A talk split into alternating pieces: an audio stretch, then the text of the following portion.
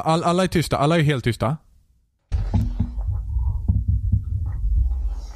Ja, Johan. Va? Tyst. Helt tyst. Det var skitroligt. Okej, alla är tysta. Ja, men jag var tvungen att justera min vet, det var asroligt.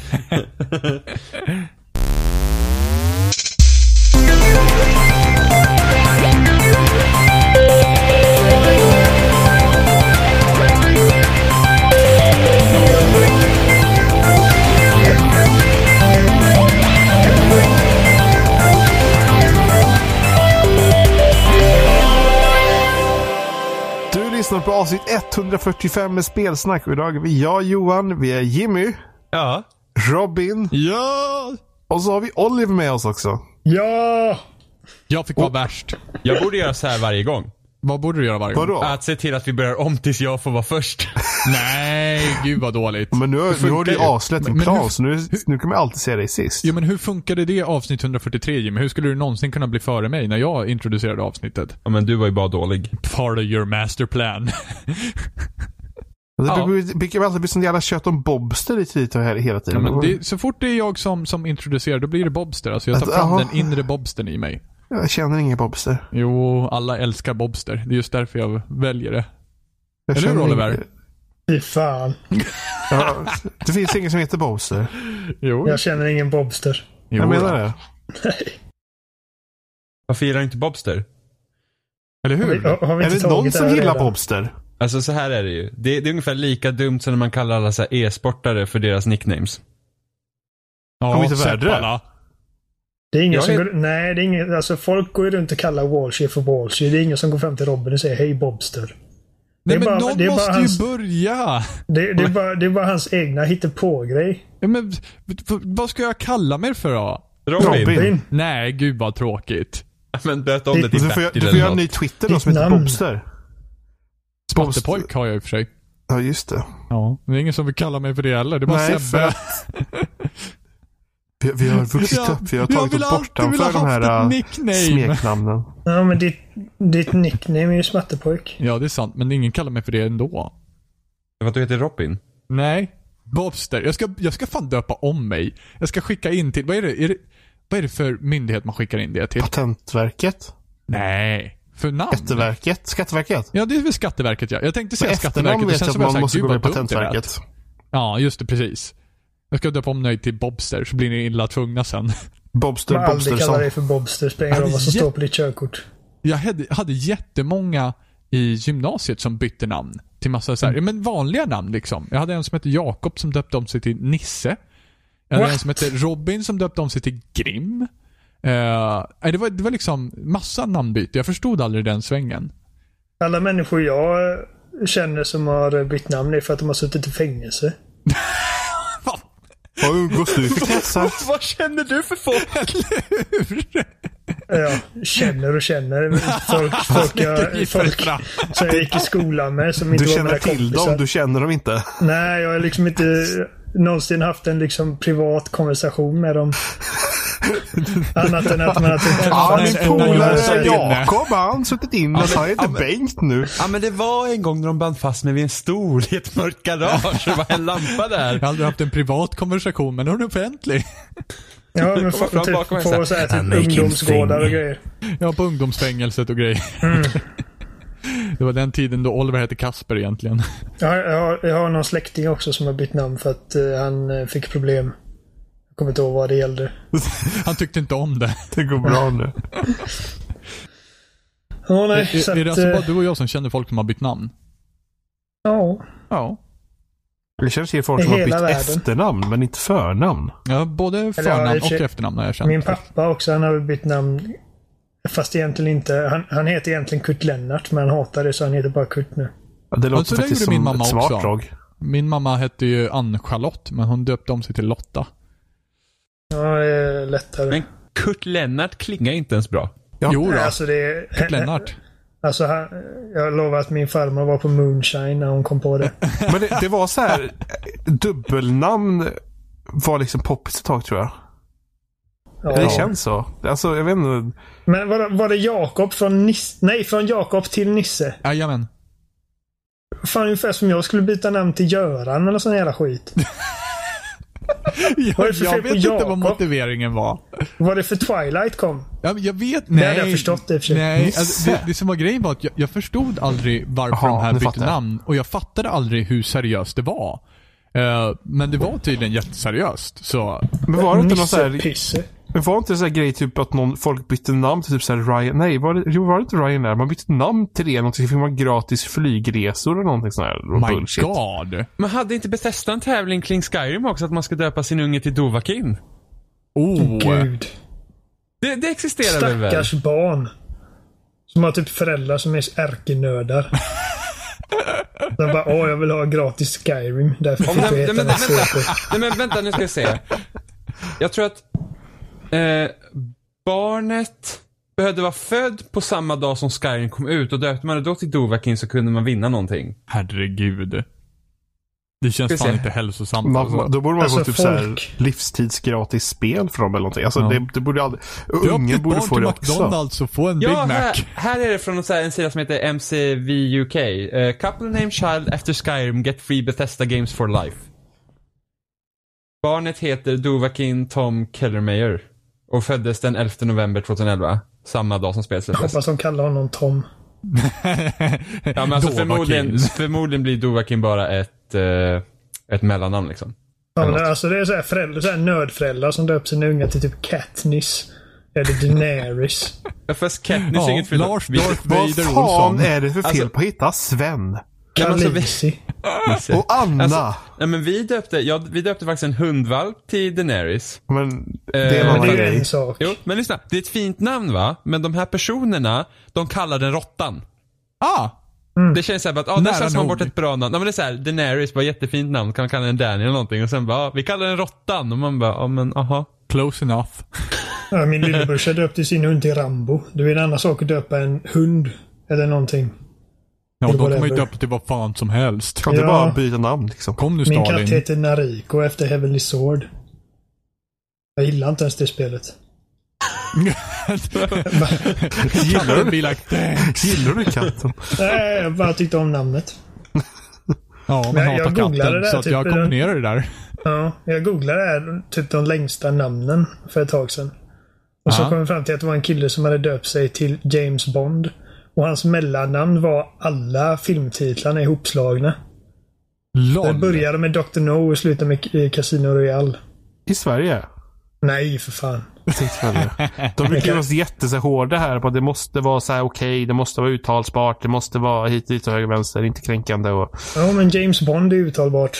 Ja, gud. Fan, det är Ja, en jo, dålig myndighet det där. det. Inte kränkande och grejer. Ja, det finns massa sådana regler. Mm. Ja, men, men, men jag vet inte. Jag tycker nog att svenska myndigheter sköter namn rätt bra faktiskt. Ja, jo, Jag men... vet inte. Jag har inte hört så många dåliga grejer om deras eh, namn. Typ. Var det inte folk som bytte namn till typ bytte namn till Arbetsförmedlingen? Alltså det var så jättekonstigt. Det var så här massa nyheter ett tag. Någon som var full och gick in på Skatteverket och bytte namn och grejer. Jag vet inte. känns som ett klokt val. Ja, jo. Det, är så det är liksom det man gör efter så karaoke-svängen. Nu byter vi namn. Ja. Fylle-namnbyte. Jag har i och för sig en kompis som bytte namn bara för att hon kände för det. Hon, hon hette Veronica och heter nu Veronica Lee. ja, men det var inte så drastiskt ändå. Nej, jag kallar henne fortfarande för Veronica. Ja, för fan, Heter hon, het, blev hennes tillsnamn, tillståndsnamn och efternamn, eller va? Nej, Veronica Lee är förnamn. Alltså Veronica bindestreck L-E-E. Men det låter ju som förnamn efternamn. Lee. Det låter jättekonstigt. Jag har sagt det till henne. Men... Eh, Li är ju ett efternamn. sa du Robin? Hon lyssnar inte. Nej, hon är nöjd. Hon kanske inte lyssnar för att du kallar henne för Veronica. Ja, kanske. Hon lyssnar inte på det längre. Men, men om man nu ska försöka låtsas att göra en segway så bortom konstiga namn har vi Ja, spelat spel. några spel. Ja. Eh, ja, jag knarkar ju fortfarande Skyrim så att eh, den storyn behöver vi inte dra igen. Jag är bara uppe i 200 timmar just nu. Har precis byggt min Daedric Armor, är jättenöjd och Ja, ja. men precis på samma sätt som vi ställer oss frågan hur Jimmy har tid att lyssna på 2000 Ja. podcast i veckan. Hur hinner du, Du, att jag kan- spela jag- Skyrim? Jag kan säga det, det, det har jag också undrat. När jag tittade på min save-file och insåg att den var på, ja jag tror den är uppe i 170 90 timmar nu eller någonting sånt där. Alltså jag sitter ju med munnen, munnen öppen. Jag vet inte ifall, den, ifall klockan tickar medan den står på pausmenyn eller någonting. Ja, jo det är den. Den gör det. Ja, det tror jag. Ja, men då är det mycket tid där antagligen också. Men jag var själv Fuska så. förvånad. Jag var själv så här, för, för att eh, ni vet vem, hon är uppe i så här 60-70 timmar. Jag är så här, jag kan inte spela 100 timmar mer än dig. Det går ju inte. Jag har inte, jag har ju inte existerat liksom så.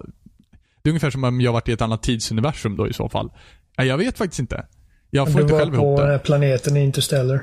Ja, men eller hur? Tog en sväng Eh. om med, runt ett svart hål och...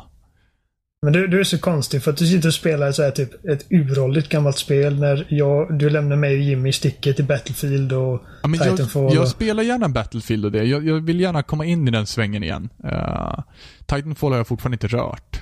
Och eh, fucking... eh, just det, du har en uh, Gears-kampanj som du inte har klarat än. Åh, gud. Vi är på ett dåligt ställe. Ett riktigt dåligt ställe. Vi ska aldrig ha slutat där. Vart är ni? Eh, gissa. Vi är på, vi är på Swarmacken. Ja. Det är också en grej. Jag kommer aldrig kalla den Swarmac. Den är Brewmac. Nej då, den har bytt namn. Förnamn. Mitt namn är Ja. Swarmac nu, Oliver. Respektera Ja, det- mitt val. Det var nog det tuffaste... Den tuffaste banan i spelet på Insane för mig och Sebbe i alla fall. Ja, men är den verkligen så jäkla tuff? Alltså det är Den inte det. känns bara Den så jävla tuff. random. Alltså allt som har Juvis är det tuffaste för Robin. Ja, man får Allt som lära har sig allt annat exakt är när allting för Jimmy. spanar. Nej. Jo. Det är så fort det kommer Juvis så här, så här, ja nu kommer vi dö här ett, ett ögonblick. Så hör man Robin säga Fan! Fan! De Och så Grejen är att det kommer nya fiender hela tiden, så det är ingen idé liksom att, att helt koncentrera sig på att ta ut dem först. För att du kan liksom döda, vad är, vad är fyra drones och så tre juvis. Eh, och sen om några minuter efter det så kommer de tillbaka. Så att ni måste liksom ständigt lägga eh, eld på Swarmacken. Ja, Och bra då- Oliver. Nu kom du fram till rätt, rätt namn där. Bra. Ja, just det. Eh, och då är det nästan att rekommendera att ni sitter på varsin ände av banan så att den inte kan koncentrera sig på båda spelare samtidigt. Så att Ja, den men har den röven. taktiken har vi ju faktiskt. Ja, det enda Ja. vi har tagit ut är de här stora eh, Scions. Precis. De tar vi ut och sen så tar vi små Ja, Science om vi måste man behöver. ändå ta ut för att de gör ju de andra starkare. Ja, så att Mm. Science tar vi ut och sen så fokuserar vi på de mindre ifall det behövs. Ja, det är bara de där så skjuter vi på. raketerna som är så jävla bullshit. Det är precis som Ja. Bargen all over again.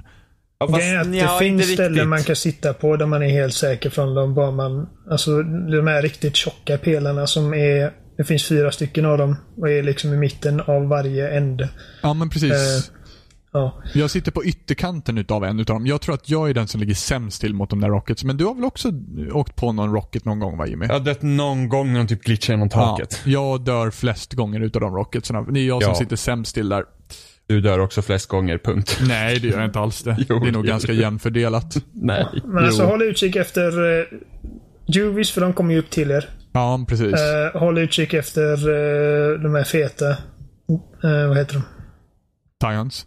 Scions. Och håll utkik efter när drönarna börjar flanka er för att då måste ni ta ut dem. Jo, precis. Och det, det är det som är så, det är det som är det jobbiga. Det är när AI helt plötsligt bestämmer sig för att bara gå ångvält på en. Mm. För alltså, man har fan inte en suck, alltså. den.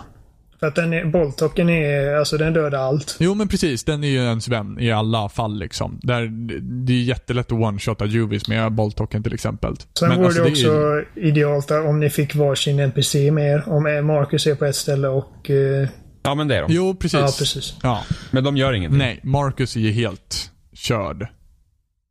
Är, de- de kan rädda en från Juvis ibland alltså. För att jag, jag har haft så många gånger där det är tre Juvis som står och slår på honom och låter mig vara. Va, vad spelar du för kampanj egentligen? Varför har inte jag den här turen för? det, alltså det händer inte alltid alltså, men det har hänt någon gång. För det mesta så sitter Marcus still och typ skjuter uh, över cover, liksom blind fire hela tiden på ingenting. Det är alltså det han de gör. inga... De är inga...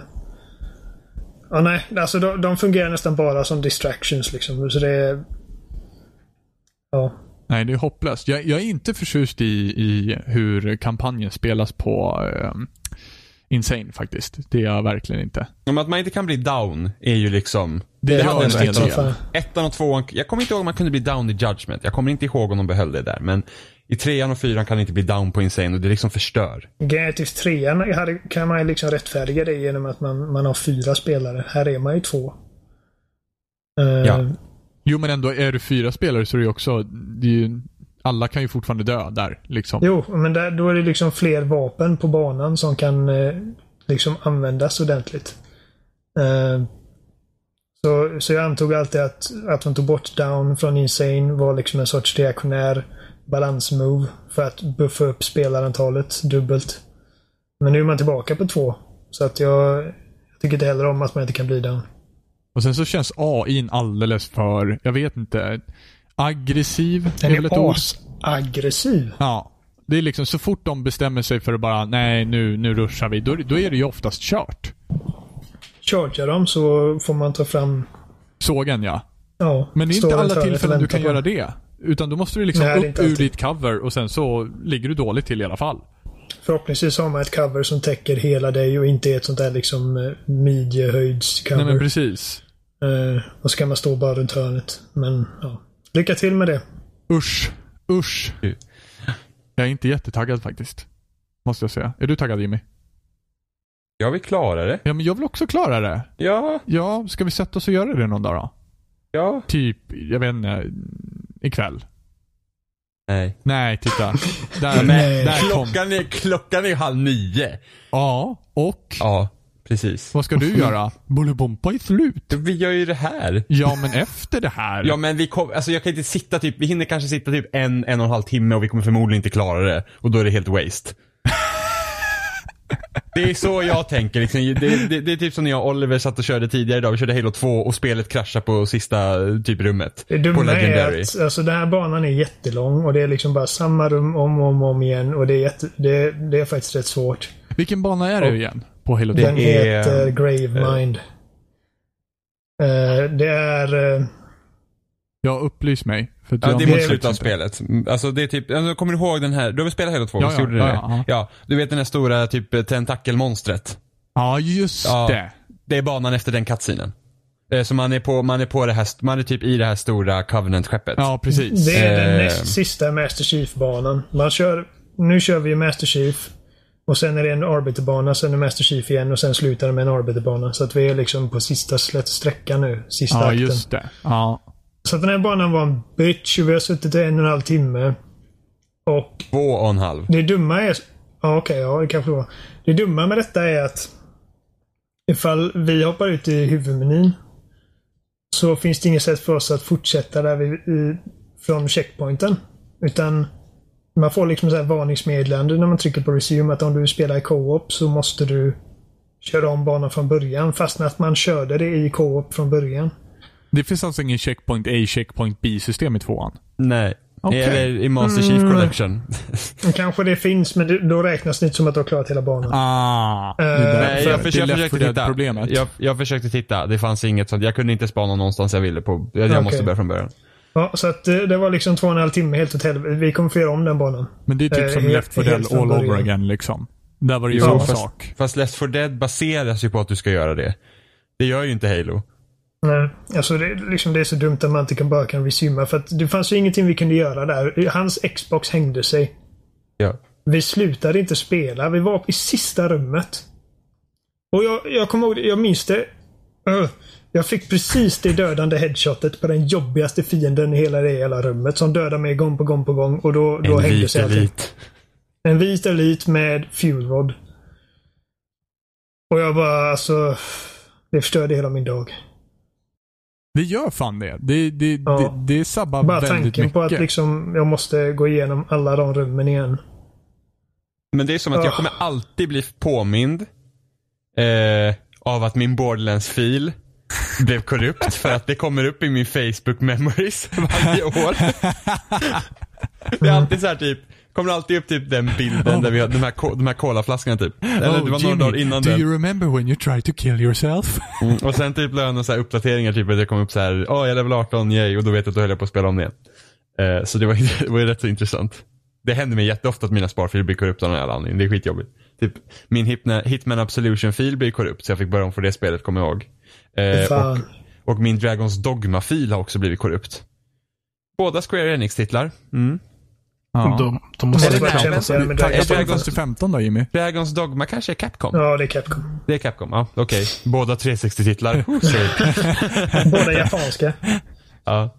Eh, så det, det, men ja, och sen typ A Link to the Past har typ kört de tre första templen typ en otroligt mängd gånger och sen alltid har eh, sparfilen blivit korrupt av någon anledning. Det är ett hårt liv som man brukar säga. Det är det. Det är det. Men ni spelar fortfarande Battlefield 1 alltså? Ni kommer tillbaka till det? Eh, nu är det lätt ett tag sedan vi spelade, nu är det några dagar sedan jag går och spelade, men vi, alltså vi hoppar runt mellan alla spel. Vi spelar så här Titanfall 2, Modern Warfare, Halo, Overwatch, eh, Tit- Titanfall kanske jag nämnde. Mm. Eh, Battlefield, Battlefield. alltså vi har typ hoppat runt mellan alla jävla multiplayer-spel, alltså det är, det är ett sjukt. Just nu har vi en eh, period av Halo för att jag bara... Vi har spelat så mycket multiplayer-spel och i och med att vi hoppas så mycket för jag har släppt så mycket på så kort tid. Så blir det att man liksom, man blir liksom inte riktigt skitbra på ett av dem utan man är så här lite medelmåttig på allihopa. Och man får så mycket stryk och så blir man trött i huvudet av det och så bara kom på det att jag har inte klarat Halo 2 på Legendary på Master Chief-samlingen än och det stör mig så jag tänkte Ah, det kanske man kan spela ett tag. Och det har varit rätt skönt. gött. Jag har, inte, jag, har, jag har förlorat massor i multiplayer, så att, låt oss ta ett spel som är svårt som fan och försöka göra det här. Ja, svåraste Halo-spelet. Men alltså, det har ändå varit trevligt för att det har liksom varit, det har varit ett annat, en annan sorts frustrerande. Det är liksom, man, man vet att det inte sitter en 12-åring på andra sidan skärmen och skrattar åt en. Eh, så att... En eh, 12 år gammal AI sitter och skrattar åt dig. Ja, precis. ja, det kan jag inte bli lika sur på. Nej, men det har varit kul fram tills idag. livet, livet har lekt fram tills idag, den dagen Mm. då jag satte mig här. Nej, fy fan. Samlingen är helt trasig alltså. Är den fortfarande den- ja, broken? jo, men alltså, det bara, alltså, spelet kraschade för mig och den typ fuckade upp hela min Xbox. Mm, det, Alltså det spelet, nice. krasch, äh, spelet kraschade, sen fungerade inte partyt ordentligt och jag kom typ inte åt några menyer och allt bara segade ner så jag fick lov att starta om den. Men är det inte som så att det är Xboxen som ser till att eh, spelet kraschar och att det är den vägen istället? Nej, det är förmodligen spelet som kraschar för att spelet är sämst. Alltså det är inte i närheten av lika trasigt som det var när det släpptes. Men det är ändå alltså, bara en sån här grej att man förlorar två och en halv timme. Den releasen Alltså det är var som att de två och en halv vettig, timmarna, alltså. liksom, de, de, de är bara borta liksom. Men den releasen var inte vettig för det spelet. Nej, men alltså, jag, jag recenserade det spelet. Aha. Och, eh, och det var typ så här, kanske fem dagar innan release så satt vi och eh, så fick man köra med 343 multiplayer. Ja, just det. Ja.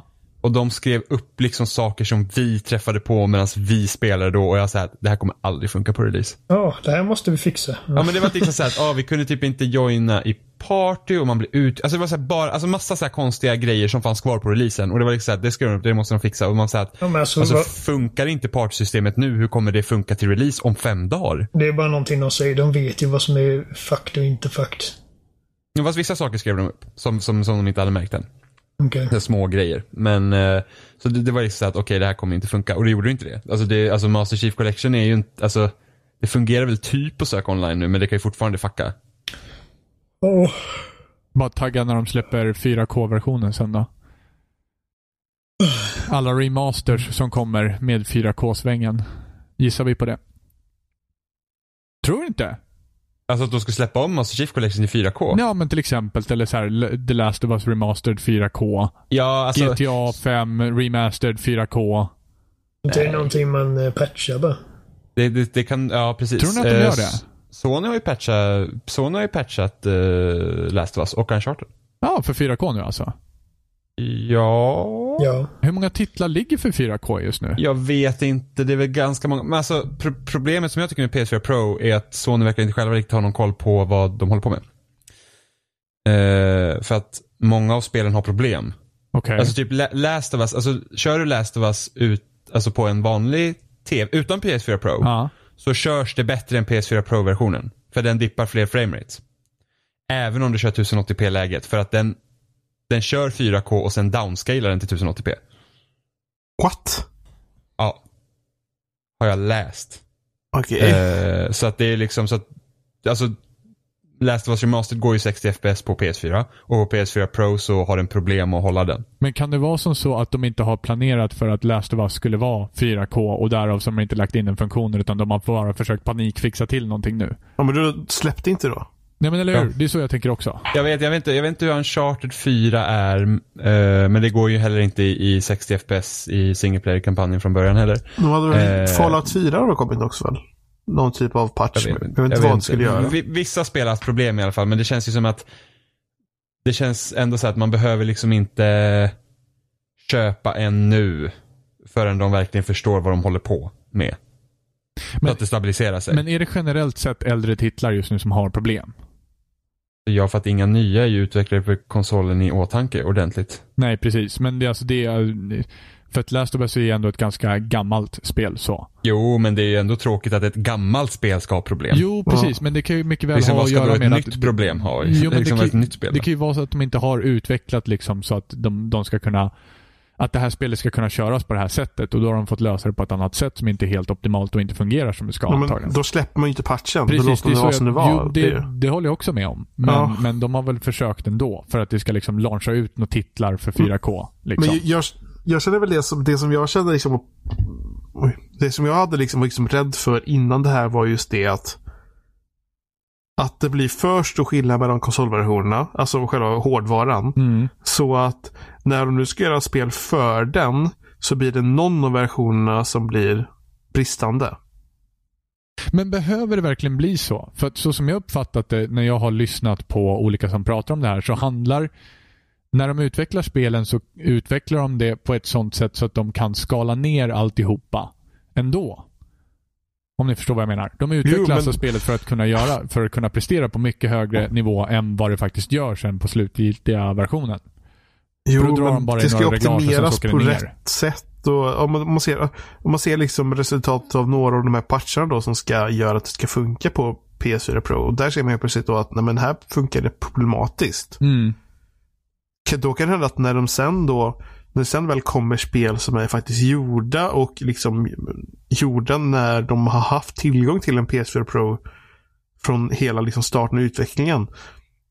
Då kanske det blir att den andra versionen blir bristande. Den Ja, kanske precis. PS4-versionen eh, droppar under 60 istället. Ja. Eh, Istället för en annan. Alltså, jag vet inte, jag, jag tycker det, det känns som att de gör det så krångligt.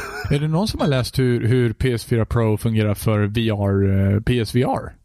Ifall Det det ska, vara är, bety- det ska vara bättre. ja, så det är, den konsolen är ju garanterat då planerad för PSVR med andra ord. Spelen ser märkbart bättre ut. Ja. Ehm, men problemet är ju det att den lilla, den här lilla processorboxen som man har till PSVR Ja, är att den, eh, den skickar inte ut HDR. Men den skickar ut 4K. Just så att ska du använda HDR så kan du inte koppla in i processorboxen. Vilket är jobbigt för då måste man byta HDMI-kabel hela tiden. just det. Så det, det Fan, känns ju det också så är här, rörigt alltså. Det är Ja, men det känns, jätterörigt. det känns jätteogenomtänkt. Så det, det, jag är bara glad att jag inte hoppar på tåget.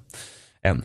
Ja, jag är ju fortfarande taggad. Det, jag kan inte släppa det. Men samtidigt så måste jag känna att jag måste kolla upp vilka titlar som faktiskt gäller Alltså, för jag, 4K. Jag, jag har bara läst om problemen. Jag säger det är bättre att vänta tills de har liksom förstår vad de håller på med. Ja. Sen så kan man hoppa på. jo, i men sen fall. samtidigt så man kan alltid investera i en PS4 Pro, eller ja, PS4 Pro, PS4 Pro. Jag vet inte, det känns konstigt att säga PS4 Pro. Men ja, i alla fall, det känns bra att investera i en för då har man ju redan, man har den redan liksom. Det spelar ingen roll när man köper den riktigt.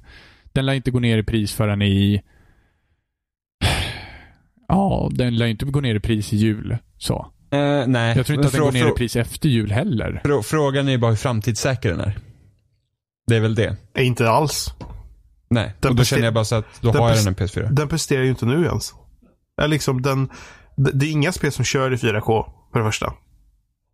Jo, några spel har jag för mig Inte kör i sin riktigt 4K. 4K. Jag, läst, jag läste någonstans, alltså det här är inte heller så här typ super research. Alltså, att- jag läste någonstans att det, så min, min, vissa mindre spel körs i 4K. Jag koll, ja, ja, jag kan tänka mig. Men alltså många av de här, äh, ja, and- för jag kollade på, vad heter de? Digital Foundry heter de väl? Ja.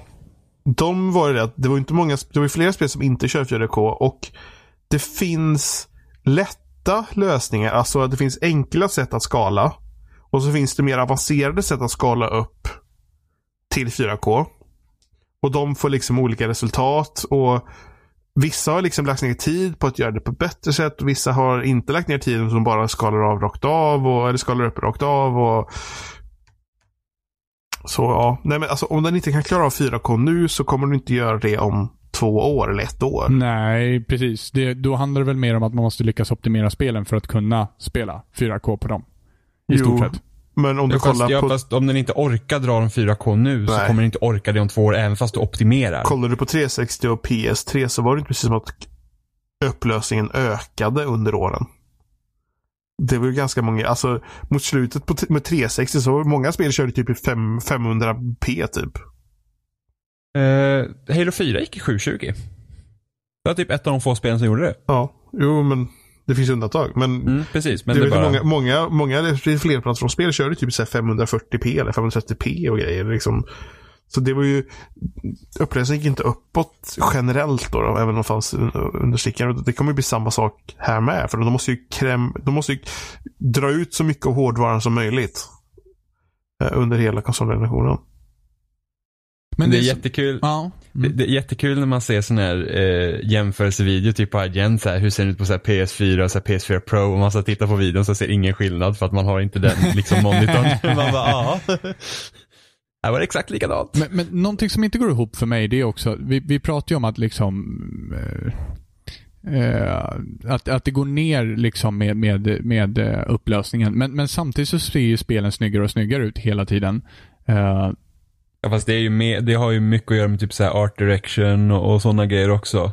precis, Eh, men hur vad liksom- gör egentligen upplösningen då? I det fallet? Rent tekniskt sett, vad hade hänt ifall de spelen hade liksom körts i, i 1080p då istället? Alltså, högre upplösning är ju fler pixlar att jobba med. Jo, precis. Men hur kommer det sig att det inte ser sämre och sämre ut istället? För att om vissa spel körs i 500p då till exempel så känns det som att det borde vara en märkbar skillnad. Vilket jag inte själv upplever att det är. Men det kanske är. Ja, men det är andra saker som blir bättre. Fler polygoner på karaktärerna och liksom grafikmotorerna blir bättre och sådana saker. Det är liksom andra tekniska grejer som gör att spelen ser bättre ut. eh, Även om upplösningen blir lägre. Och då kan man liksom kompromissa med upplösningen på det sättet. Så ja, sen skalar de ju upp till 1080p. Alltså till exempel ta Mass Effect 3. Ja. De använde så mycket av liksom maskinen så att anledningen till att du inte kunde hölstra ditt vapen var på grund av att ramminnet tog slut. LOL. Ja, så att liksom, ja. Allt liksom, den lilla detaljen liksom. Att hade man kunnat hölstra vapen så hade liksom spelet exploderat. Nej, men liksom. Men är det faktiskt som så att, att spexen för de här apparaterna inte kommer kunna hålla för 4K alls? Alltså nej, Xbox One klarar ju knappt en så, alltså Xbox One klarar ju på sin höjd upp typ 900p liksom. Ja. På, på, på ett större, alltså jag vet inte, jag kommer inte ihåg vad Battlefield 1 gick i på Xbox One. Men det är typ 900 någonting Så vi ser egentligen att det bör komma en PS4 Pro Pro. Eller PS5. Ja. Det är ju det, vi vet ju, vi vet ju inte hur, vi vet ju inte hur konsolerna kommer vara i framtiden. Alltså, alltså jag och Oliver har spekulerat om att typ, X, alltså att Microsoft kommer droppa Xbox One. Eh, liksom att hela den här One-grejen till eh, Scorpio och köra bara Xbox. Ja. Och att nu, nu, nu spelar du på Xbox så att alla konsoler du kommer köpa nu i framtiden är Xbox. Så att eh, varje ny konsol kommer ändå vara bakåtkompatibelt med det som är innan. Och, Eh, och att spelen går att köra på PC också. typ. Många av spelen går att köra på PC också. Jo, men att det kommer vara någon sorts standard eller så här stor chans att det blir det. Ja, många av dem. Eh, vi vet ju inte än vad, vad Microsoft har, har för planer med Scorpio. Men, jag känner, men som jag sa när vi pratade om PS4 Pro var det att den här liksom hetsen mot 4K kanske inte är riktigt liksom rätta steget att gå än med tanke på att man inte ens kommer upp i 1080p på de större titlarna. Hur kommer det sig att man inte lyckas göra det med konsolerna just nu För att egentligen? de är inte tillräckligt starka. De är jätte, det är jättegammal hårdvara. är, är det som så att det Alltså- blir för dyrt att stoppa in teknologi för att det ska kunna driva 4K? Ja. Då skulle Ja, konsolerna alltså- liksom kosta så här 6-7 tusen istället. Ja. Xbox One kostar ju typ 6000 när det Jo, så är det ju. Faktiskt. Eh, Det är men eh, kan- alltså, konsolerna är för svaga helt enkelt. Alltså X- PS4 och Xbox One var ju rätt så svaga när de kom jämfört med hoppen från tidigare generationer. Liksom att de var redan ganska undermåliga redan när de släpptes. Ja. Men det var tillräckligt. Det var, pressen så var till, det ett ganska stort hopp ändå. Och fast den, ja jo men ändå inte. det var inte så... Alltså, det, Det var var som tillräckligt från- hopp så att vi kom till slut över gränsen 1080p för många spel. Ja, det, var Men- inte, det var inte samma hopp som PS2 till PS3 Nej. på långa vägar. Men det var liksom ett hoppet som, alltså man, det var det att, det var liksom det hoppet upp över 1080p för vissa spel, liksom upp till 1080p för vissa spel och det är liksom, det är något som syns direkt. Typ, men ändå inte och jag vet inte. Det, Ja framtiden. men Oliver, Oliver, Oliver, Oliver, Oliver. Mhm. Du har spelat en jävla massa spel. Oj. Det lät allvarligt. Jävla massa spel. Ja. Ja, men det är i alla fall, det är i alla fall 100% mer än vad Robin har gjort. Det är inte svårt. 100% mer, då har han ju bara spelat två spel. Exakt. Robin spelar bara eh, Skyrim. Scream. Precis, då, är- då är det ju 100% mer. Jag har rätt i mina siffror för att vi, vi Jag vill hemskt gärna höra om, nu måste jag se vilket, vilket, vilket av spelen ska jag välja först nu. Oj, oj, oj. Mm, det är spännande, spännande, spännande. Jag vill höra om Watch Dogs 2 först. Oh, Okej. Eh, vad vill du veta? allt. Alltså, Give me the scoop baby. vi kan väl säga så här. Att den sjuka multiplayer-historien jag och Oliver dikterade upp för första Watch Dogs, den existerar inte. Nej, och den kommer inte göra det heller. Den kommer aldrig göra det. För att vi har så bra idéer och ingen har de idéerna som vi har. Vi Jag, jag, undrar nästan bara, är det bättre än det första? Ja, det är det definitivt. Alltså, Är det bra för det? ja men jag tycker det är ett bra spel. Ah. Eh, det tycker jag faktiskt. Vad Och jag, jag gick verkligen in med med riktigt jag ska inte säga låga förväntningar. Jag, gick- jag, jag gick in utan förväntningar överhuvudtaget. Annat än att det här, det här kommer vara Watch Dogs. Och det fick jag. Men jag gillade inte första spelet så mycket. Tyckte det var en... Eh, om man ska snacka betyg så kanske en 6 av 10. Eh, det var liksom ett helt okej spel på det stora hela. Men infriade inget av de eh, ingen av de löftena eller potentialen som själva konceptet hade. Eh, och jag tyckte främst att Chicago var en tråkig stad att vistas i. Eh, själva downtown-området var väl det var väl okej, men alla andra områden runt omkring var bara så tråkiga. Och det var en väldigt grå stad. Allting var väldigt bleak. Vilket Chicago i och för sig kanske är. Det är ju det är ju inte Kalifornien direkt. Uh, jag tycker att huvudpersonen var en übertölp. Uh, eh, alltså en, ett, en psykopat. Med ett ursinnigt hämndbegär som man liksom inte riktigt kan ställa sig bakom. Men eftersom han själv hade ju först, alltså var, han, han var ju orsaken. Det var ju alltid det som var skumt. Att detta, ingenting hade hänt om inte han var en jävla skitperson. Nej. Sen blev man Batman i slutet. Eh, och manuset var bara, det var så tråkigt och ingen av karaktärerna satte sig förutom möjligtvis Jordi som är typ den enda jag faktiskt kommer ihåg namnet på. Så att det, det är vad jag tycker om Watch Dogs 1 och första punkten i Watch Dogs 2 liksom, den, den infrias redan efter fem minuter. San Francisco är en skitkul spelvärld att vistas i. Det finns saker att se överallt. NPCerna är mycket mer för att Ubisoft liksom, de, de, de tog väldigt stolthet i första spelet med att deras NPCer kändes så levande i och med att man kunde profila dem och se vad de hette och få liksom typ eh, information som hur mycket pengar de tjänar och ifall de är pedofiler eller inte. Precis det vi Eh. vet om alla som går på stan. Precis. Men annars så gjorde de liksom ingenting. Eh, och det gör de här. Alltså om du går ner till till hamnområdet i San Francisco. så får du se massa olika jag säga, street performers. folk som står och spelar dragspel. Andra människor som står och dansar runt en lägereld uppe i bergen. Och liksom det, det händer grejer. Det är liv i staden. Eh, på ett sätt som jag faktiskt inte sett i spel liksom utanför Rockstars värld. Möjligtvis Witcher 3 också. Ehm, de, de reagerar liksom kul på vad du gör. Ifall du ställer dig och tar en selfie framför en random människa så kan de posa med dig. Liksom.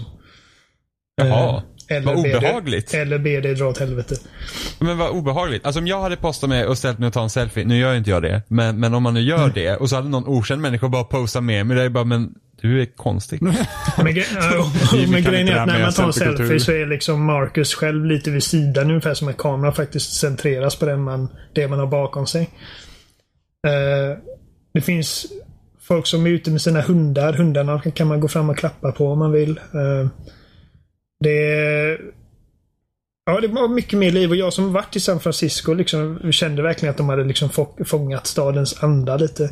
Det är en väldigt bra eh, stad att sätta ett sånt här spel i. För det finns väldigt mycket färgstarka, excentriska personligheter i den staden. Av alla, alla former och etniciteter och läggningar och så att det, ja, det, var- det var väldigt kul liksom. Man typ eh, eh, mängden av olika sorters människor och karaktärer man kommer stöta på är väldigt eh, bred.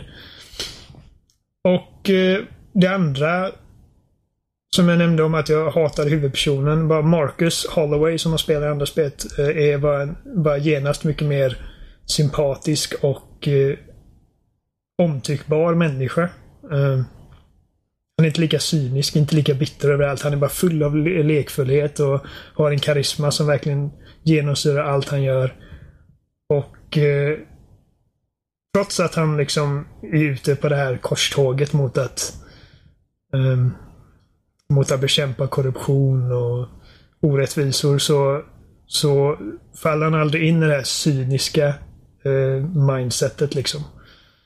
Vad är, den, vad är huvudsakliga målet i, i Watch Dogs 2? För i ettan hade du det här, du skulle ju hämnas din... Jo, för, för, och det är också en sån grej. Man, man känner sig mer liksom i enlighet med hela den här typ populär hackerkulturen. Som förmod, förmodligen inte är så jätterepresentativ för hur riktiga hackers äh, agerar i verkligheten. Men det är liksom en, det är liksom en karikatyr videogame version av det.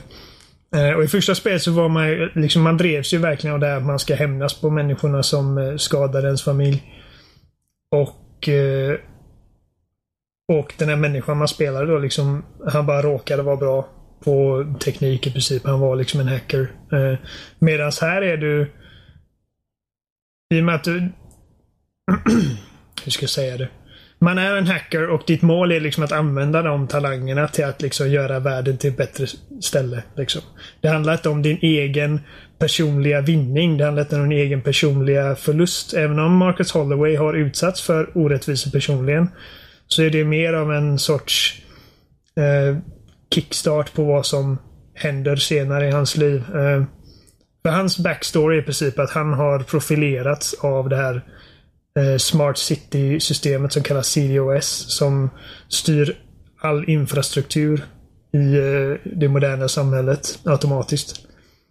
Eh, för att, och han har alltså profilerats för att vara en fara mot samhället för brott han inte begått än. Men som han ligger liksom i den här typ likelihood att han kan begå de här grejerna. Och det är ju sjukt. Jag är lite såhär minority report över det.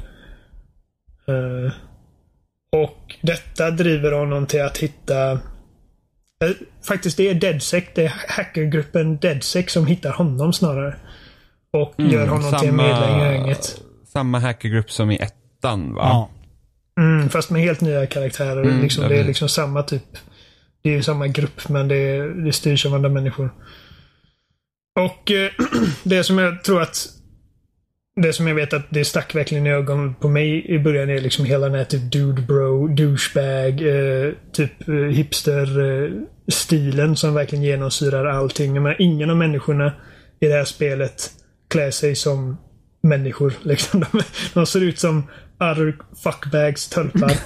som man bara liksom vill slå på käften bara för att de bara ser så fruktansvärt hemska ut. Men när man lyckas bortse från det och liksom eh, det finns faktiskt intressanta och eh, återigen omtyckbara karaktärer under all den här dumma ytan. Eh, även om inte alla karaktärer i det här gänget eh, får lika mycket utveckling eh, av anledningar som jag inte kan prata om för att jag har spoilat någonting. Ehm, men eh, alltså deras mål helt enkelt, det, det, det handlar liksom inte om att du går inte runt och räddar liksom stackars jungfruar i nöd typ i gränder som det hände hela tiden i första spelet.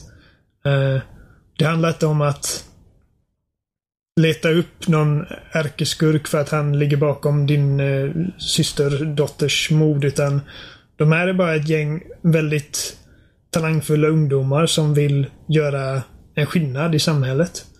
Och du kommer få eh, angripa banker som svindlar sina kunder. Eh, kyrkor som... Eh, alltså det, det här spelvärldens eh, eh, svar på scientologikyrkan.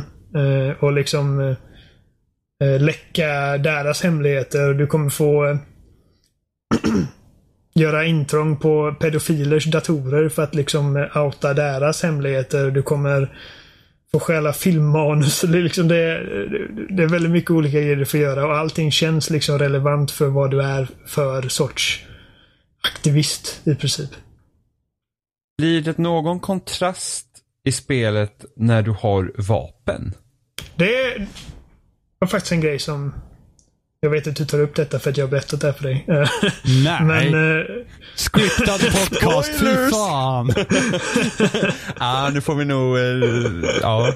Nu, nu, blir det, nu blir det häktningsår. Censur. Ja, det, det var en grej som jag, som jag kom att tänka på så här halvvägs in i spelet att jag, jag, liksom, det har inte kommit en enda situation då jag har uppmuntrats av spelet att skjuta folk. Eh, och jag höll mig i princip till, eh, till min elpistol, alltså från början till slut. För att här, Marcus är ingen våldsbenägen person. Han kan försvara sig givetvis. Han har sin lilla, hans milivapen är liksom en biljardkula fast eh, knuten på, på ett rep som han använder för att liksom slå ner folk. Fy fan vad ont det måste göra. Det måste göra asont. Medan Aid- eh, Aiden hade ju en batong.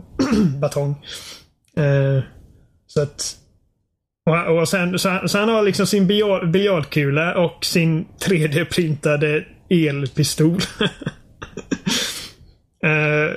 men det, så, han är liksom ingen våldsam person av naturen. Det finns liksom ingenting i hans karaktär som säger mig att det här är en människa som kommer hamna i något krig någonstans. Och jag, jag dödade faktiskt det hände att jag dödade en hund en gång. Uh, för att jag råkade... Jag, jag hade ju vapen på mig för jag tänkte liksom att jag, det kanske kommer, det kanske komma, kommer komma en situation där jag behöver dem.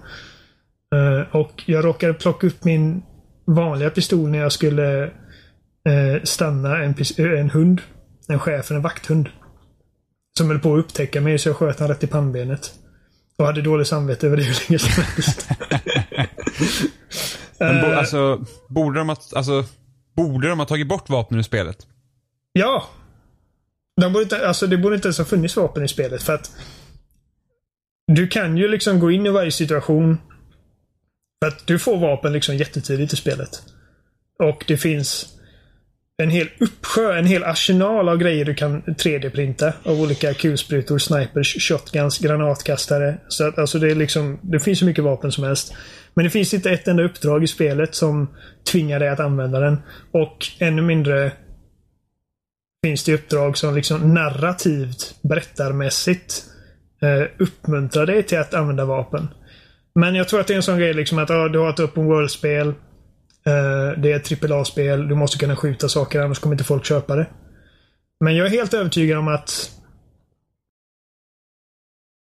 att alltså, det här spelet är mycket roligare när man istället för att gå in i varje situation och döda varenda vakt som finns där inne, sitta bakom ett bra cover och liksom plocka av folk så fort de kommer.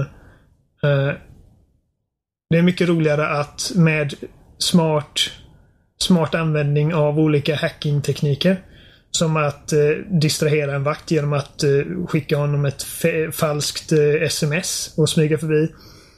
Eller sätta en falsk efterlysning på en fiende som du vill få i vägen så att polisen kommer att arrestera honom. Eh, eller eh, hacka en, eh, en elektrisk panel att eh, elektrifiera en fiende när den kommer nära. Och sådana grejer. Och strategiskt smygande. Än att skjuta alla. Liksom det, det, det blir bara mycket roligare och man känner sig mycket mer badass när man använder spelets verktyg till sin fördel på bästa sätt.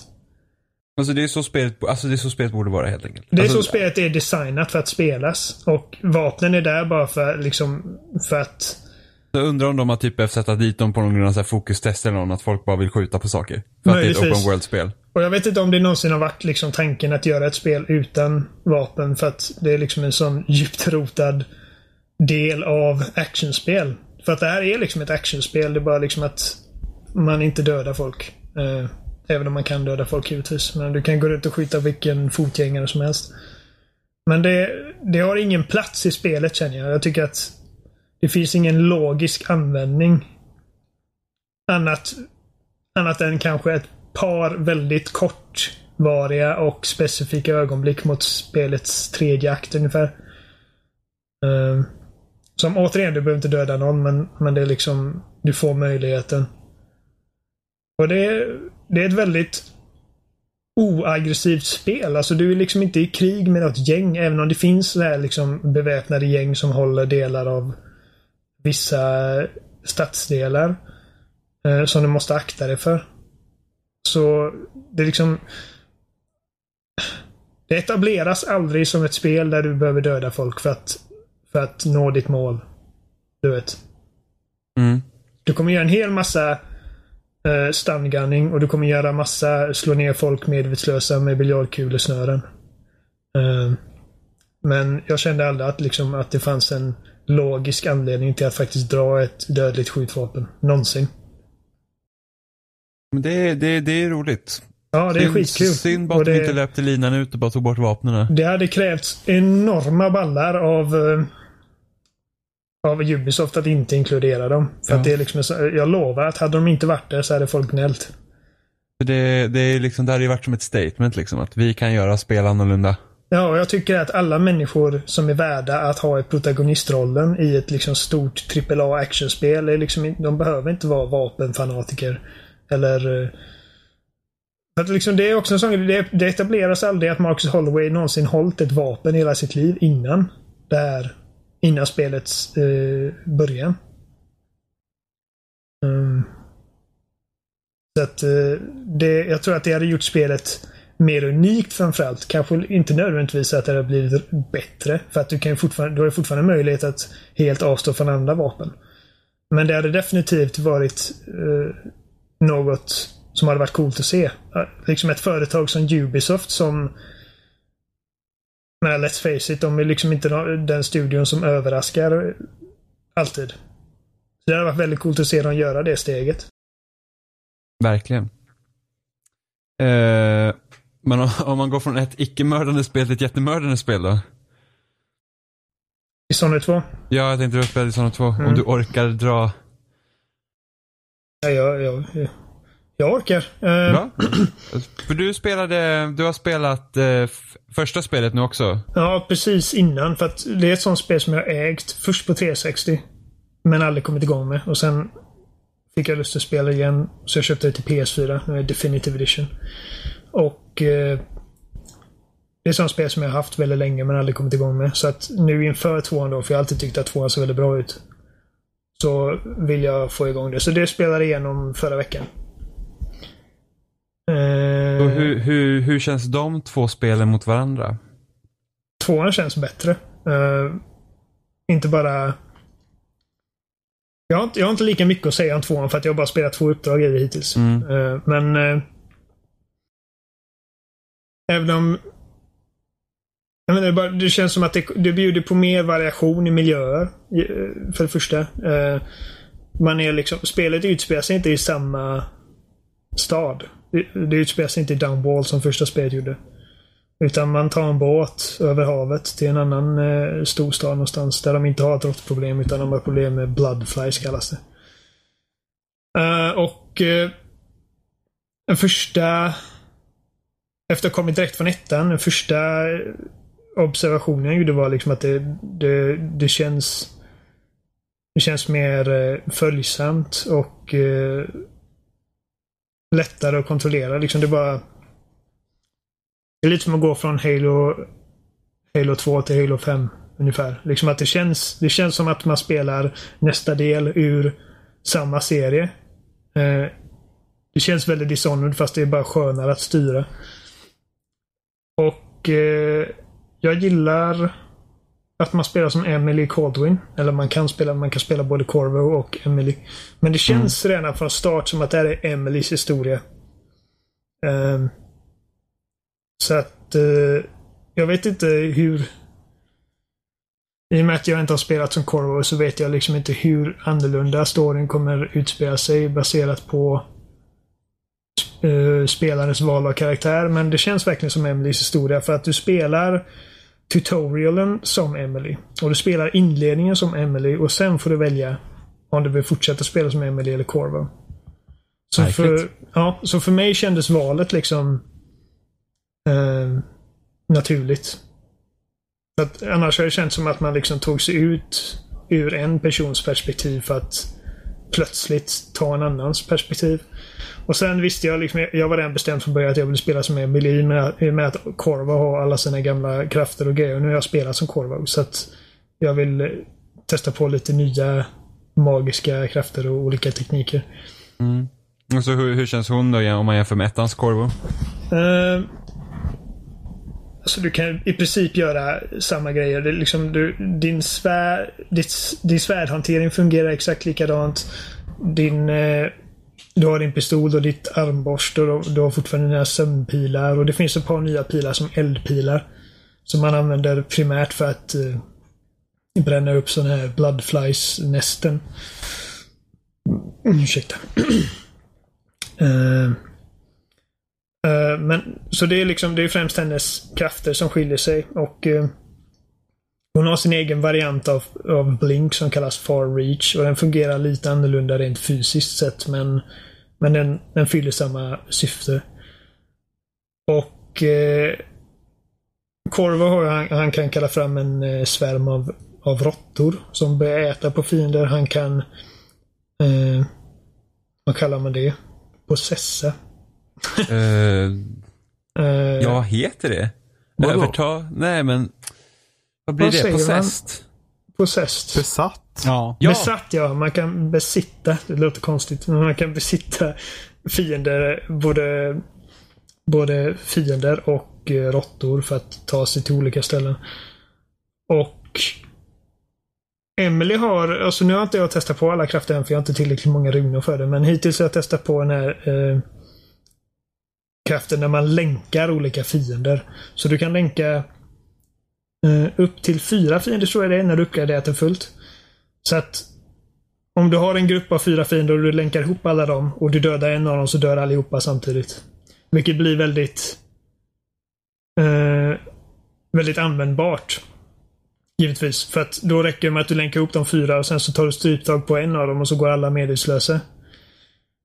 Ja, men det är bra. Så man kan, behöver inte enbart använda den för att döda. Precis. Eh, för att jag tycker om att köra någon lethal. Ja, det gör jag också. Eh, återigen för att det känns mer logiskt för hennes karaktär att göra det.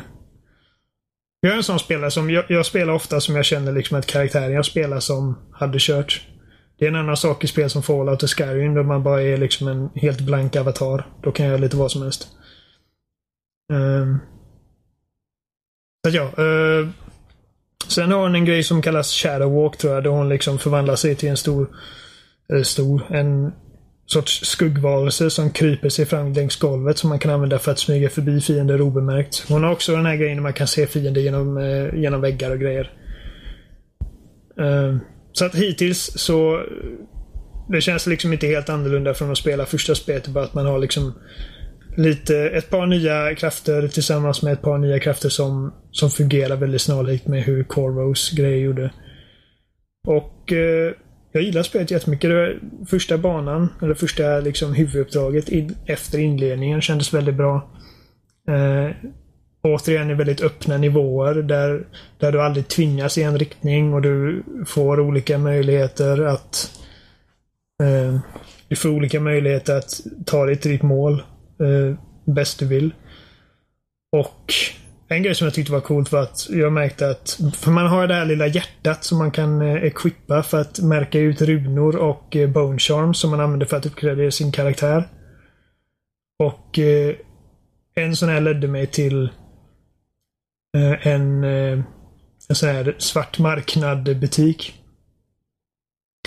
Grejen var att hade jag kommit in från i, genom eh, huvudentrén så hade jag bara gått fram till den här gubben och köpt den här runan. Men nu råkade jag komma bakvägen och jag såg att dörren som ledde in till den här butiken kunde låsas upp.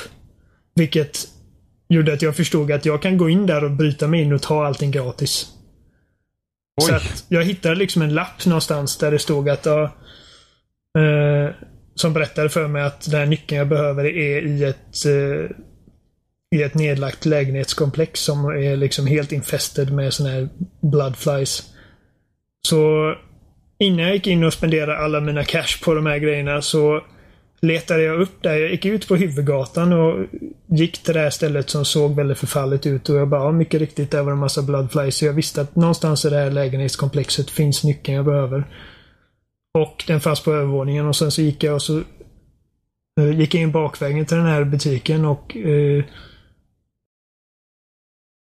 kvävde den ena killen alltså, så han blev medvetslös och så snodde jag allt han hade. Det är, kul.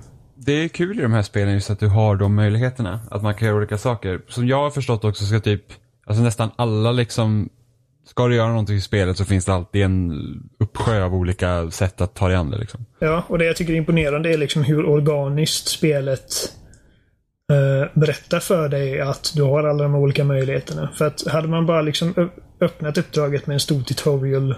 Det finns visserligen massa av tutorial-meddelanden, men om de hade sagt så här i början av spelet att ja, men eh, du kan göra så här, så här, så här, så här, så här. Du ska, nu ska du välja vad du vill göra. Så funkar det inte. Du, du droppar dig på den här banan och genom att utforska banan så kommer du själv till insikt om de här olika möjligheterna. Som jag, jag bara av en händelse råkade gå förbi en NPC som ropade till mig och sa liksom att ah, du ser ut som någon som eh, gillar att bryta, bryta dig in på ställen du inte bör vara. Och så sa hon att om du hjälper mig med det här så fixar jag ett, eh, ett lättare sätt för dig att komma till stället du behöver gå, komma till. Vilket ledde att jag släppte allt jag gjorde för att liksom hjälpa henne med den här grejen. Vilket gjorde att jag fick en lättare väg in till eh, dit jag behövde komma. Och liksom, det var ingenting som sa till mig att det var så, utan jag bara upptäckte det själv genom att utforska. Och eh, det är sån barndesign jag tycker är mm, värd att beundra. Ja men alltså det är typ, tänk jag kommer ihåg när typ Ubisoft försökte med Assassin's Creed Unity och fixa typ att du skulle kunna typ döda de här targetsarna på olika sätt. Mm. Och det de var bara typ så här, markerade ut Ja allting men åt dig. precis. De här ställena kan du ta dig in på eller så gör du på det här skriptade sättet. Och så liksom blir ju aldrig den här att Det kändes ju faktiskt aldrig som att jag gjorde det själv utan det känns som att bara att man gick till det stället och så var det cutscene typ. Och det var väldigt överväldigande också för att du börjar det här uppdraget och helt plötsligt så har du liksom 37 000 olika ikoner på ditt interface som berättar att här är en låst dörr, här är en låst dörr, här är en kille med nyckel, här är en kille. Ifall du lyssnar, om du går dit så har du en opportunity för att eh, eavesdroppa på en kille som ger dig information. Om du går hit så kan du göra det här och det här. Här har du en opportunity. Liksom det, det, blir, det blir för mycket att ta in. Eh, och eh, Därför tycker jag att man ska spela exempelvis det nya Hitman med de här grejerna avstängda. Ehm, det blir bara... Man bara känner sig mycket mer... Ehm, det är bara mer tillfredsställande liksom att faktiskt komma fram till de här lösningarna själv. Och det, det är en grej jag tyckte att Metal Gear Solid 5 gjorde väldigt bra. Ehm, Rent spelmässigt. Men gud vet vad jag tycker om den storyn. Men rent spelmässigt är det ju liksom typ det bästa som finns i hela genren. Och eh, där finns det ju, alltså ifall du ens kan föreställa dig att någonting kan funka i spelet så kommer det funka. Eh, och det spelet har verkligen fått mig att känna mig som ett geni emellanåt. Alltså. Bara för att man får liksom en snilleblixt och att jag kanske kan göra så här. Jag kanske kan fästa en ballong på den här stridsvagnen bara för att få den att försvinna utan att väcka liksom tumult. Och det funkar. Eh, sånt tycker jag om väldigt mycket i speldesign. Half-Life Ja. 2 är väldigt bra på det också. Ja. Nu, nu är det så länge sedan jag spelade Half-Life 2 så jag kommer inte riktigt ihåg. Men där har du ju liksom typ ingen massa tutorials och grejer utan det, det är typ eh, bara en sån grej att väldigt tidigt i spelet så sparkar, eller ja, den här Combine-soldaten sparkar ner en, eller slår ner en liten eh, sån här läskburk på marken och ber dig plocka upp den. Och då ba- bara igen, den lilla grejen bara berättar för dig som spelar att okej, jag kan plocka upp den och jag kan slänga den. Eh, Mm. Och det är liksom så att jag tycker alltid att när du kan berätta för spelaren på ett organiskt sätt utan att faktiskt berätta för spelaren hur någonting funkar så är det alltid ett bättre verktyg att använda. Det är mycket svårare att göra det givetvis än att bara liksom lista allting i en tutorial-meddelande. Ja, vi pratade lite om det förra veckan. Typ att det är så himla tråkigt när man startar ett nytt spel och det enda du får gå igenom en massa text. Och du Mm. får inte börja spela. Eh, vilket eller- ofta typ när man spelar JRPG och sånt så är det liksom man får ju. Ubisoft har liksom haft eh, det här det har, varit, eh, det har de haft svårt för förut. Så där, en tre timmar lång tutorial i Assassin's Creed 3. Och Revelations. Alltså typ Mm. fem timmar in i Revelations så fick jag fortfarande sätta tutorial-meddelande. Ja. Eh, ja men alltså finns det någon än som förstår eh, handelssystemet i Assassin's Creed 3? Nej, jag har läst guider om det. Jag fattar fortfarande Jag spelar aldrig spelet, jag är förskonad. Alltså det var, det var ju typ, alltså det var det mest konstigaste jag någonsin varit med om.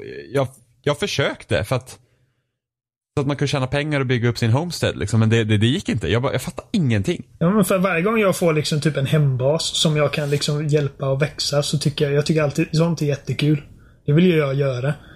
Men eh, jag gjorde inte det i trean bara för att jag liksom, jag orkade inte sätta, sätta mig in i det komplicerade handelssystemet.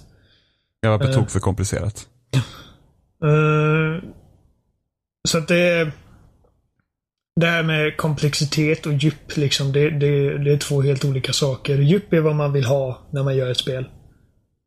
Eh, Rocket League är ett sinnessjukt djupt spel. Som vilken idiotschimpans som helst kan sätta sig ner och spela. Ja. Eh, Men alltså Nintendo brukar också vara bra på det. Så ta bara Super De är Smash är också så enkelt. Eh, även liksom bara, bara en sån grej. Typ, alltså jag lovar att ifall du kollar på så här typ jag vet inte, någon YouTube-video om bra speldesign så kommer det första Super Mario bara dyka upp som exempel. Bara vad mycket som det spelet lär dig bara de första 30 sekunderna.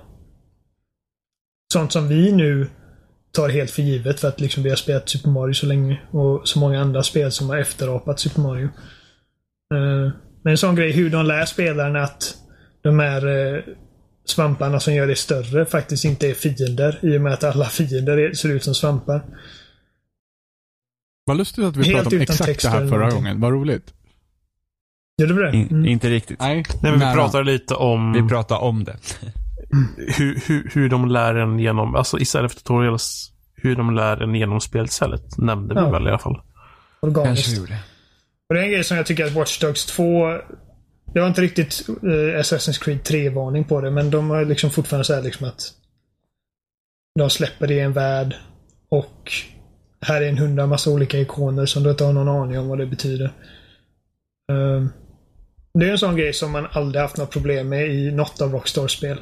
Du är aldrig liksom eh, confused. Jag är så konstig. Men man blir aldrig, man blir liksom, man blir aldrig överväldigande av, alltså du blir inte överväldigande av ikonerna på kartan. Du kanske blir överväldigande av världen som du existerar i. Ja. Eh, Men det, det är aldrig så att du är förvirrad över hur någonting funkar eller vad, vad som förväntas av dig som, som spelare. Och eh, de är väldigt bra på att systematiskt introducera nya grejer till dig liksom på ett organiskt sätt. Istället för att få dig att känna som att du spelar liksom en 10 to- 10 timmar lång tutorial. Eh, för tänk om du hade liksom varit så här typ, de bara droppade i den här spelvärlden och du har Trevor och du har Michael och du har eh, eh Franklin. Alla är spelbara med en gång. Och du ska liksom med en gång förväntas du förstå hur man byter mellan dem och liksom hur ekonomin och allting där liksom. De är mycket bättre på det än vad de flesta open world-spel utvecklar är. Men ta bara typ, ta Witcher 3. Som på många sätt också är liksom väldigt överväldigande och du har mycket ikoner på den kartan också. Så frågetecken och så blir det utropstecken där det finns quest och sådana saker. Eh, men det är inte många olika symboler vilket gör att det är lättare att överskåda. Det känns mycket men det känns inte så att jag vet inte alls vad det här är. Det är bara som deras jävla ofta i- alchemy-system som är helt... Ja, jo men det har ju ingenting med kartan och eh, Nej världen precis, att göra på det men, sättet. men ifall Då- det, där, där finns, ifall det är något system som ju- de har. Där finns det ju system i spelet som kan vara jobbiga att lära Ja. sig. Eh, typ Gwent. Eh, eller alkemisystemet, vilket inte är jätte, jätte, det är inte, det är inte, det är inte på samma nivå som Skyrim. Skyrim tycker jag är rörigt. Det de Eh. gör också är att de släpper, de släpper ner det i det här eh, i, vad heter det, White, eh, Just det, White Orchard.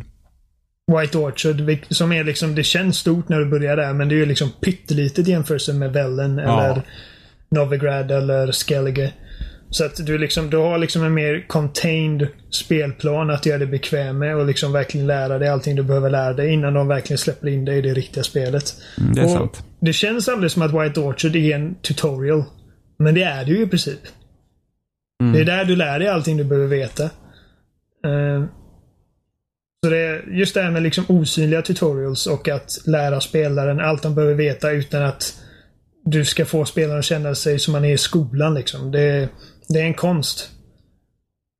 Det, det är ingenting man bör ta liksom eh, för givet eller som att det är världens lättaste grej. För att jag menar, Assassin's Creed-spelen har varit ökända för det. För att jag menar, vi som har spelat varenda Assassin's Creed varje år.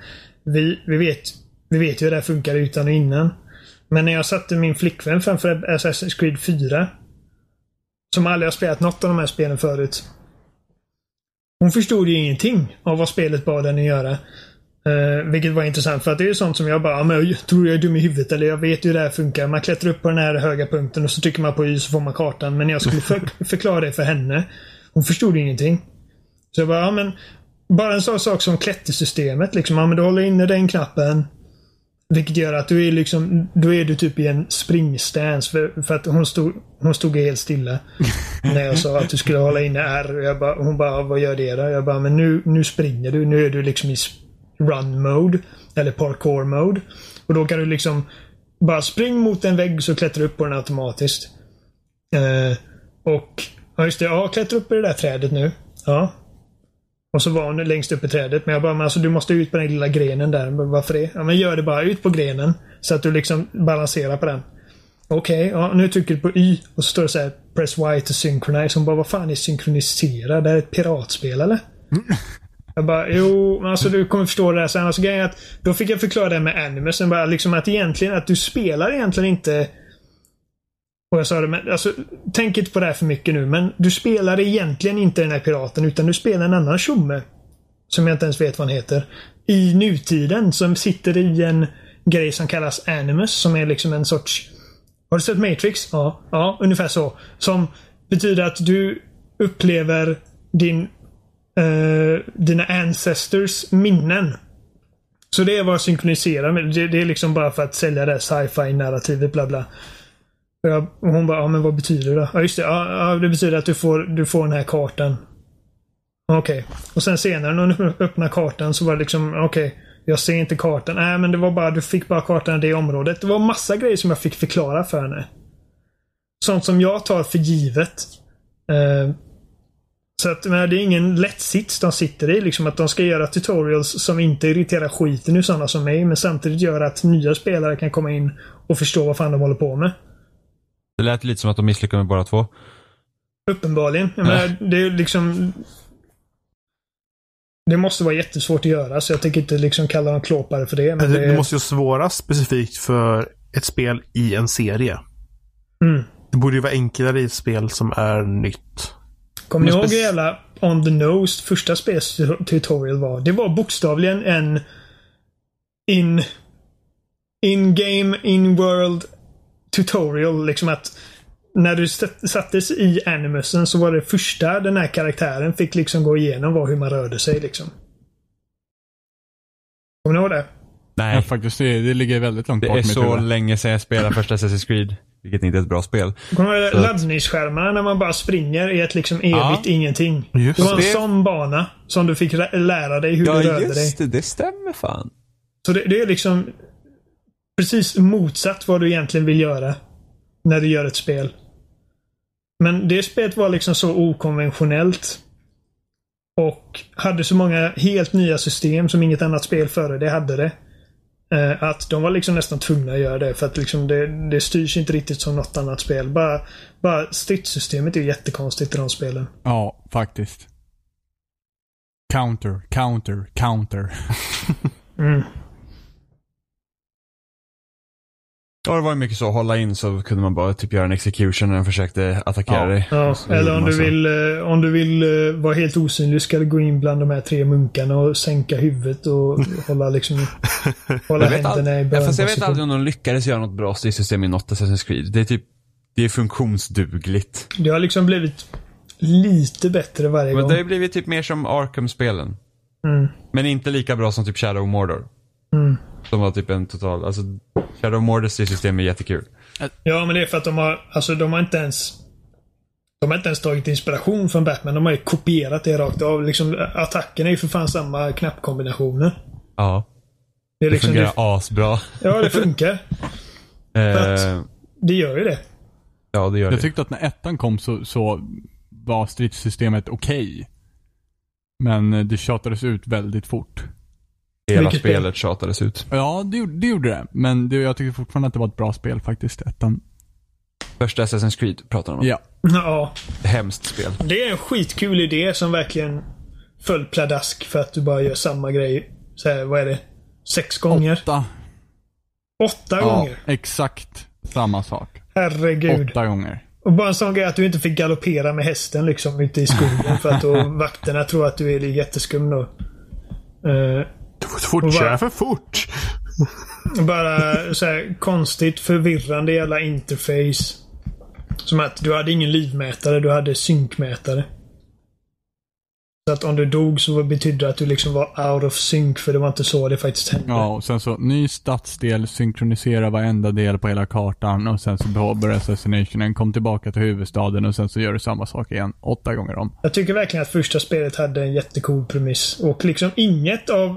Men jag älskar Assassin's Creed 2 och Black Flag också, men inget av uppföljarna lyckades ju liksom infria den potentialen i den visionen. Det har liksom blivit helt, något helt annat sen dess.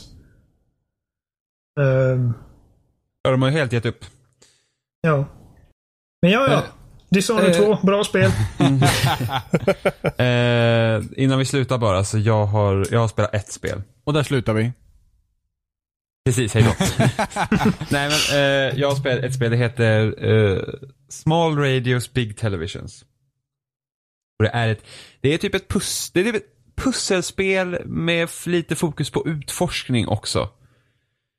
Det är väldigt udda. Alltså du styr liksom ingen karaktär utan du får se typ en nivå är liksom en byggnad. Eh, som har liksom dörrar som man går in genom och sen så går du in i en dörr så får du liksom se som, nästan som ett 2D-plan av rummets layout. Eh, och sen så gäller det då att ta sig igenom de här dörrarna och så ska man hitta kassettband. Och i de här kassettbanden så finns det virtuella världar som man kan gå in i och så får man leta efter nycklar som man använder för att låsa upp fler dörrar. Låter jättekonstigt. Aldrig hört talas om. Det är jättemycket. Nej, alltså det kom upp. Jag, jag ska recensera det. Jag ska skriva min recension sen. Eh, jag vet inte riktigt om jag tycker att det är ett ja eller nej. Vilket format är det? Eh, PS4 och Steam. Mm. Eh, så att det, det är liksom så det är olika nivåer. Det är typ fem nivåer tror jag. Alltså fem byggnader du ska ta dig igenom totalt. Och så får man gå runt i de här rummen och så ska man liksom hitta typ lösa pussel. För att det är, det är inga svåra pussel. Det, det är väldigt mycket så här att, ja, hitta det här kassettbandet, gå in i den här världen, ta nyckeln och sen får du, hitta, eh, sen får du gå till en dörr som kräver en nyckel och stoppa in den här lilla typ gröna nyckeln i den. Då. Och det är typ så, det, det är liksom det pusslen. Ibland så kan man behöva hitta typ den här eh, kugghjul som man sätter någonstans. Det är klassiska grejer. Mm. Eh, väldigt så här ganska straight forward. Det finns ett pussel i slutet av spelet där man måste eh, eh, vrida på valv för att stänga och sätta på vatten. Det finns ingen bra förklaring på vad, vad du faktiskt ska lösa eller hur du löser det. Men man gör det bara. Och, och vilket blir helt konstigt för att jag förstod inte vad jag hade gjort när jag var klar med de pusslerna. Utan jag bara testade och det funkade och sen var det klart. Och det, det är typ de svåraste pusslerna i spelet. Men det är bara för att du inte förstår hur de gör. Och sen när du väl lyckas lösa dem så har du inte förstått vad du gjort heller. Utan det är bara trial and error. Vilket jag, jag kan liksom inte ens förstå det. Eh, De här kassettbanden också, de kan, man kan hitta så här magneter i, i, i spelet och så kan man avmagnetisera dem typ. Och så, så förändras de värdena när man går in i de här eh, kassetten. Och så kan man hitta fler nycklar om man så behöver. Eh, och det är liksom det man gör. Det är väldigt, ganska så här fattigt pusselspel ändå. Det är liksom inte svåra pussel, det är knappt pussel. Liksom. Du, du går genom dörrar, du hittar saker och sen så går du till rätt dörrar. Det, det, det är så det går ut på. Eh, sen, men sen så ligger liksom typ en, en historia bakom det. Alltså det. Det som är då att världen har typ gått under på grund av miljöförstöring. Och typ ingen har besökt de här byggnaderna på väldigt länge och det, du ska försöka hitta ett sätt att förhindra att det händer. Och det är typ det spelet går ut på. Så då Okej. klarar man de här typ fem nivåerna och sen är det klart. Och så, är- alltså de försöker typ hinta lite som att det ska vara typ lite så här kryptiskt vad det handlar om men det är ganska solklart. Och sen när man har klarat spelet så är det liksom så här, ja det här är precis vad vi menar med det här spelet. Och så är det klart. eh, och jag vet inte om jag tycker att det är bra eller dåligt. Något som är väldigt märkligt är att du har liksom en markör som du styr. Du vet man tänker vara när du sitter på en PC och styr musen liksom. Mm. Problemet här är att den centrerar, den vill hela tiden centrera sig. Vilket blir väldigt frustrerande när du sitter med en, en DualShock 4. Ja, jag kan tänka mig. För att så fort du liksom drar i, alltså du måste liksom dra i spaken, du kan inte stanna den på något ställe förutom i mitten. Så vissa pussel krävde att man typ drog i, i såna här, um, om typ kugghjulsbussen så kunde det ha varit ett kugghjul man kunde röra på så behövde man hålla den mot någonting. Eh, och då blir det jättejobbigt när markören hela tiden vill till Jaha, mitten. så, så fort du släpper liksom joysticken så, så bara pip så centrerar den sig? Ja, Ja. okej. Ja, jag vet. Eh, så vilket gör att den accelererar hela tiden. Ja. Den är så fort du rör den så är den konstant i Ja. rörelse, vilket jag kan liksom inte förstå. Så att jag vet inte hur det funkar på Steam, om det är liksom samma grej där, vilket det skulle vara jättekonstigt när du har mus. Men på konsol är det inte trevligt. Det, det är verkligen så att, och det är inte ofta man blir frustrerad, spelet är rätt så kort. Men när det väl händer så man såhär, åh gud, hur kan de ha gjort det här? Det här är så dumt. Ehm. och jag tror att det här spelet hade passat faktiskt bättre på en touchskärm. Att man, för att, för att det, det, det känns mycket mer som ett spel som egentligen är anpassat för en mobiltelefon eller en iPad och så trycker man på de här olika grejerna. Liksom. För att ska du, ska du in genom en dörr så måste du fortfarande ta den här markören till dörren och den vill hela tiden centrera sig. Så att det, ibland trycker man fel och det, så går man in i en dörr man inte ville gå in i för att ja, den vill tillbaka och sådana grejer. Eh, så att det hade varit mycket, mycket bättre om det hade varit på en, en, en touchskärm helt enkelt. Då hade spelet fungerat bättre. Eh, men annars så, alltså, musiken är bra och det är estetiskt tilltalande. Det är typ det som är skitbra med spelet. Resten är verkligen så här, eh, det är knappt ett pusselspel för att pusslen är knappt några pussel. Det är mer så att du går igenom de här liksom rummen och så får du se hur det ser ut och sen så är det klart. I princip. Jättemärkligt spel. Ja, det låter konstigt. Jag har svårt Mm. att se det framför mig bara efter din beskrivning. Ja, nej men det är liksom, det, det är som ett... Ja, men tänk dig att du har ett 2D-plattformsspel. Där du liksom kan se, ett, ett rum är liksom en bana om man säger så. Men du ser hela... Om du spelar en plus. Ja. Där ser man Ja. hela banan på skärmen hela tiden. Är du på en bana så ser du hela banan. Och det är samma sak här. Här ser du en bana men du styr ingen karaktär utan har en markör så får du liksom peka och klicka. Nu vill jag in genom den här dörren. Nu vill jag in genom den dörren. Liksom. Så det är det man gör. Så varje rum är som en ny bana. Så jag ser ju inte flera. Alltså går jag in i den här eh, byggnaden då så ser jag ju inte alla rum. Utan då kommer jag in i ett rum. Och sen så får man ju då eh, gå vidare därifrån genom olika dörrar. Eh, och det här blir ett problem för mig för att jag har så dålig, dåligt lokalsinne. ja. Så att det blir, och kartan är ju inte jättehjälpfull heller, som man har. Så det, det blir lite jobbigt när man behövde gå, liksom, ibland måste man, man kommer till ett rum och så måste man gå tillbaka och hämta någon sak som man använt tidigare och lite sådana saker. Och ibland så måste man ju gå och avmagnetisera de här banden då. För att man har hittat nytt kassettband. Och då måste man, kanske behöver man gå till en sån här magnet då, så att man kan få en ny nyckel. Och så måste man gå fram och tillbaka. Eh, jag tror det kostar typ en hundring eller något sånt där. Jag vet inte om det är värt det. Jag, jag är väldigt kluven till det här spelet. Men vad är det som gör det bra? det är liksom... Alltså stämningen är bra. Musiken är bra. Det är estetiskt tilltalande. Och det är typ det. Och vad är det som gör det dåligt? Alltså att, att, men jag, jag känner liksom det att som, som ett pusselspel är det verkligen inte utmanande på något sätt. Det, alltså, typ jämför med typ The Witness. Alltså det var ju verkligen så här pusselspelens gigant. Game Ja men det är verkligen så här, 2.0. Ja men det är typ verkligen, man kommer till ett pussel och bara så här, haha, nu måste jag tänka, vad jobbigt. och här är det verkligen så att här typ trycker man lite på dörrar och så, liksom det, det, pusslen blir aldrig svårare, förutom då de här vattenpusslen som inte ens för, är förklarade. Men musiken är jättebra. Jävlar vilket långt näshår jag har. Perfekt kommentar där. Slutklämmen. Det var ungefär så intressant. Ja, ja men... Eh, men låter så inte det- som någonting för mig. Nej, men alltså jag, jag, jag vet inte riktigt om det är för någon. Det låter ju som att du känner dig inför ett nej. Ja, ja jag, jag vet inte än. Jag har inte skrivit. Alltså det, det är liksom så här, det är väldigt så här, eh. Men som pusselspel, jag tror fan nej, det är nog inte bra som ett pusselspel alltså. För det är liksom, det utmanar inte. Det är liksom, det, det, det vad ska man säga, nästan säga linjärt. Liksom, du, du går liksom igenom det bara. Och sen är det klart. Behöver inte tänka mycket, inte anstränga dig särskilt mycket. Nej, det låter inte så jätte Alltså, alltså det är ungefär, tänk Resident Evil och det enbart skulle gå ut på att låsa upp dörrar. Du går och hittar de här diamanterna och så går det liksom, finns liksom ingen, det finns inget, ingen konflikt egentligen. Utan du går och hittar de här ädelstenarna och stoppar dem i något jävla eh, huvud på väggen och så låser du upp en ny dörr. En, och då var de pusslarna svårare än vad det här är. Det är typ det. Det låter sjukt. Jag vet inte. Platt.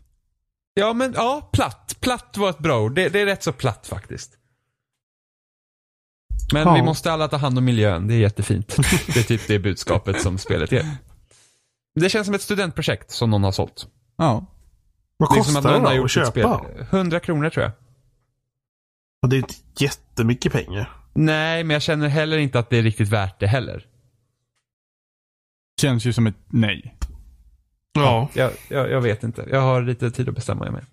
Men det är i alla fall det. Alltså det är, kolla på en trailer liksom. Så har ni sett. Då har ni sett allt. Kan ni strunta i resten? Nej men typ, nej men alltså det, det, det är fint att titta på. Väldigt så skarpa färger. Eh, ja, men det var det. All right. Ja. ja, men för övrigt så är det väl dags att avsluta. Tillbaka till Skyrim. Hej då. Skyrim. Hej då livet. Ja, vi finns som vanligt på spelsnack.com. Har ni någon avvändningslinje så tipsa mig. Ja. Maila, maila oss på spelsnack.gmail.com. Hur ska Robin kunna klara det här? Please send help. Ja, Nej, mitt liv är kört. Det är ingen fara. Alltså, vi suger på avslutningar. Nej, ja. gud. Nej, det, här, det här blir den sämsta på länge. Jag tycker den är fantastisk hittills. Det är ett konstverk i sig. 4.33 kan vi köra nu. He's got a cock. Ja, fortfarande. Tack Oliver för att du ville vara med. Ja, Ja, Ja. jättekul. Den, den förlorade Tack själv. sonen återvänder. ja, det är alltid kul att få vara med. Jag tycker om er så ja det mycket. hoppas jag. Ja, det var, sist, det var sista gången. Prata så Ja. jävla mycket. Vi fick Ja, inte en syl i vädret. Jag kände jag babblar, satt och tjötade väldigt länge där ett tag. Jag- Ursäkta Ja, mig. du är inte Nej, ursäktad men det var, ännu. det var orsaken till att man satt tyst var ju för att du, det du sa var intressant så man ville ju lyssna. Ja, det är ju bra i alla fall. Att det inte var liksom att ni inte, ni inte fick chansen att säga någonting. Nej. Ja, men det är lugnt. Commodore kommer och gnäller annars. För att så när jag ska berätta om någonting så är det liksom, okej nu måste jag verkligen ha massa grejer att säga så att jag inte bara "Öh, och det, och det är typ, det är bra, men alltså uh, tutorialen var det- jobbig. det- Har vi, har vi avslutat nu förresten, eller vad händer? Vad sa du Har vi avslutat nu, eller vad händer? Ja, men vi håller ju på att avsluta. Vi har ju fortfarande inte Ja, läst upp på iTunes och vi har inte läst upp Facebook avslutat. och vi har inte läst upp YouTube och... Ja, men jag sa ju det. finns spel.com. Det, det räcker. Allt finns där. Gå in där, klicka Nej, vidare på fan, länken. När säger vi hej då då? Nu. Får- Får ge ett ordentligt Ja, hej då. just det. Hej då. Hej då. Inte bara typ, okej då slutar vi nu. Jimmy klar med sitt nej. Ja, hej. Jag, jag börjar om nu. Hej och välkomna. Vi måste börja om. Hej och, Avsnitt 100 någonting. he- hej och välkomna hej då. Okej, vi får klippa här eller någonting. Nej, gud nej. Välkomna till ett hej då. Väl- Ja. Hej och välkomna till Spesnack avsnitt Hej då. Hej då. Hej Det, det då. kommer för de här killarna. Det här, det här är vi Okej, liksom. nu kör vi alla i fyrstämmig kör här. Är alla redo? Ett, två, Ja. tre. Räkna ner. Hej då. Räkna ner igen. Hej då. Räkna ner igen. Räkna ner igen. Bajs.